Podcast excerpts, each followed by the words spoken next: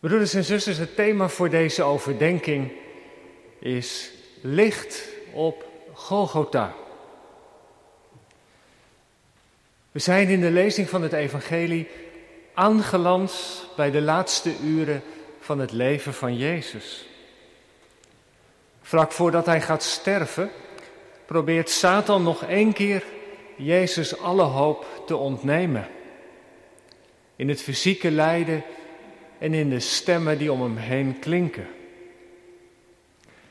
Zoals bij een geliefde broeder die op sterven lag in het hospice en zich omringd zag door kwade machten. Het gebed deed wonderen en de macht van Satan moest wijken.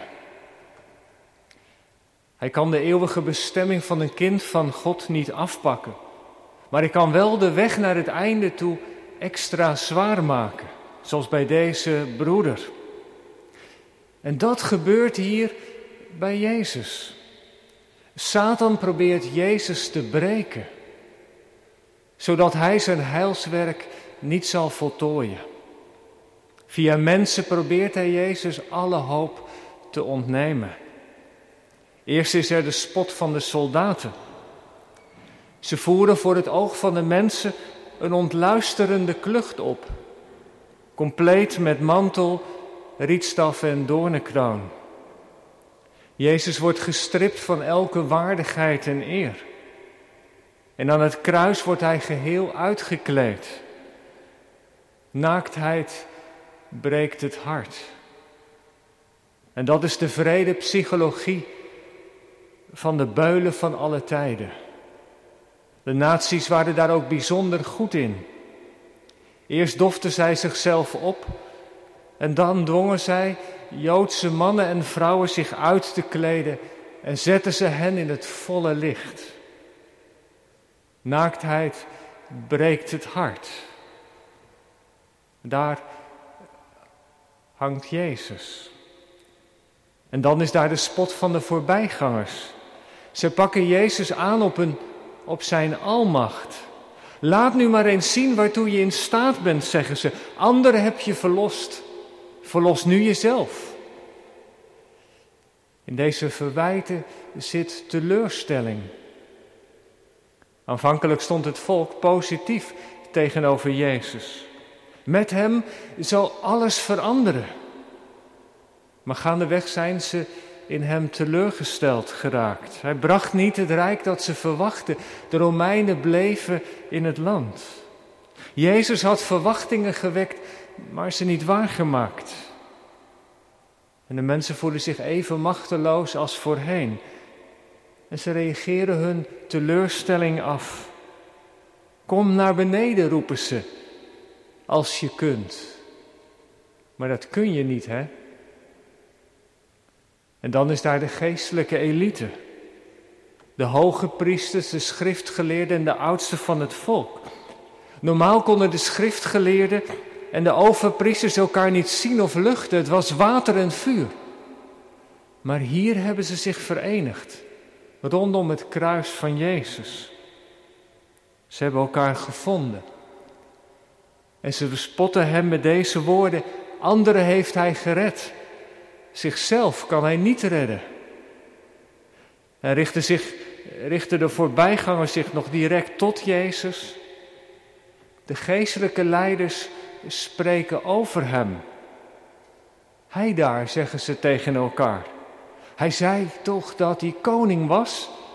Dat hij de zoon van God was? En ze zeggen het zo luid tegen elkaar dat Jezus het wel moet horen. En zoiets kan ons ook zomaar overkomen. Misschien weet u of jij daar wel van. Te midden van een gezelschap, je hoort de mensen praten en het ging over jou. Ze praten waar je bij bent en toch kun je er niets aan doen. Dan voel je je machteloos. Dat is zo vernederend. En de spot van de geestelijke leiders daar rondom het kruis gaat nog verder. Ze vechten Jezus namelijk aan op zijn geloofsvertrouwen. Hij heeft toch gezegd dat hij de zoon van God is? Ja toch, dat zei hij toch? Laat die hem dan redden. Deze spot voert terug naar het moment van Jezus' doop. Weet u dat nog? Toen Jezus werd gedoopt in de Jordaan, ging de hemel open en klonk daar, de, klonk daar de stem van zijn vader. Jij bent mijn geliefde zoon. In jou heb ik mijn welbehagen. En nu wordt dat allerheiligste van Jezus zijn vertrouwelijke omgang met de Vader aangevallen. Zijn diepste identiteit betwist dat hij de geliefde zoon van God is. En dat is zo gemeen. Dat je niet mag zijn wie je bent. En het enige dat Jezus nog op dit moment heeft, als hij daar hangt aan het kruis, het enige dat hem over is gebleven, is nou juist dat vertrouwen met zijn vader. Het feit dat hij de geliefde zoon van God is. Maar zelfs dat wordt hem ontzegd. De leiders spotten omdat ze Jezus haten met een diepe haat. Maar waar komt die haat eigenlijk vandaan? Wel, Jezus schopte tegen de heilige huisjes van hen. En dat vonden ze verschrikkelijk. Het heilige huis van de ernst bijvoorbeeld. Zij bedoelden Gods eer toch, daarom leefden ze zo vroom. Maar Jezus spreekt er doorheen. Nee, zegt hij. Jullie gebruiken je godsdienst om door de mensen gezien te worden. Je staat op straat te bidden zodat iedereen kan zien hoe vroom je wel niet bent. Het heilige huisje van de reputatie. Wij, wij komen uit een goede Joodse familie. Wij zijn trouwe Joden. Zaad van Abraham. En ze dachten, we staan vooraan in de rij van de kinderen van God. Wij zijn vroom. Maar Jezus zei, hoeren en tollenaars, die zullen jullie voorgaan. Jezus dwong hen dus om in de spiegel te kijken. Ze dachten dat ze erbij hoorden en dat de Heere God wel blij met ze zou zijn. En dan om uit de mond van Jezus te horen dat zij met alle vrome bedoelingen God niet dienen, maar zichzelf. Dat doet pijn. Jezus prikt de ballon van de godsdienstigheid door. En daarom haten ze hem. Ze kunnen hem niet uitstaan. Maar zo gaat het heil aan hen voorbij. Want wat doet Jezus? In die weg die hij gaat, van de stal naar het kruis, draagt hij het onbehagen van God.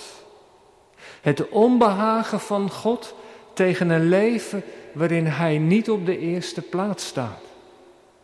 Een leven van mensen die het wel weten, maar die het niet doen. In dat lijden van Jezus zijn ook wij inbegrepen. Ook onze zonde heeft Hij gedragen. Dat we het wel weten, maar het niet doen. God liefhebben boven alles en onze naast als onszelf. Anderen heeft hij verlost. Zichzelf kan hij niet verlossen. Jezus redt niet zichzelf. Inderdaad. Hij kan het niet, zeggen de leiders. En ze hebben gelijk. Jezus kan niet van het kruis afkomen. Jezus kan zichzelf niet verlossen. Waarom niet? Omdat Hij niet los van ons wil komen. Dat is het geheim. Het kruis dat Jezus draagt, dat zijn al onze tekortkomingen en zonden bij elkaar. Al dat onvolkomene in ons leven. Woorden die te veel of te weinig waren, dat ons leven zo vaak niet aan Gods bedoeling beantwoordt. Dat alles draagt onze heiland. Wij zijn zijn kruis. En hij draagt dat kruis tot het bittere einde toe. En weet u, dat is zo bijzonder. Want als Jezus sterft, neemt hij al onze zonden mee in het graf, mee de dood in. In zijn dood sterven ook al onze zonden.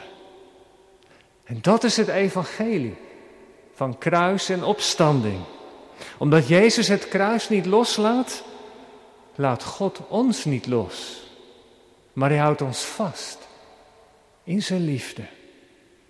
In de donkere duisternis draagt Jezus het oordeel van God. En dat is de reden dat Golgotha niet alleen een donkere plek is, maar ook een plek waar het licht begint te schijnen. Op de vroege paasmorgen blijkt dat alles niet te vergeefs is. Als Jezus opstaat en in het ochtendgloren de zonbreek doorbreekt.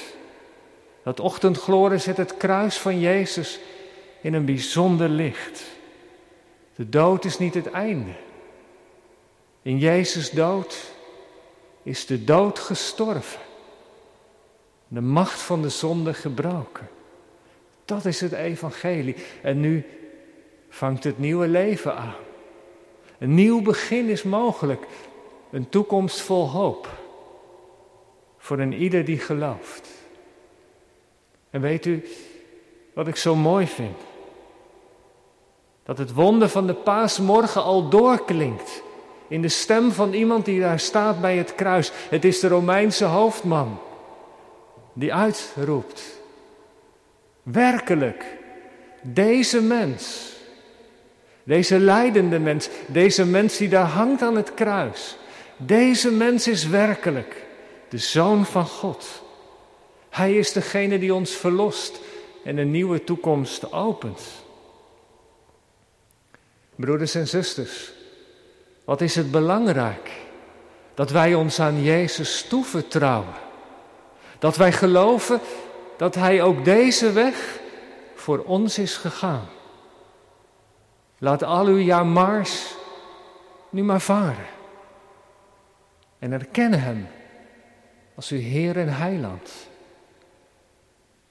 Ik las over een groep mannen op expeditie in ondergrondse grotten en tunnels.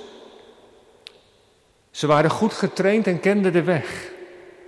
Als ze na vele uren ondergronds door de spelonk aan het kruipen zijn, besluiten ze om weer naar boven te komen.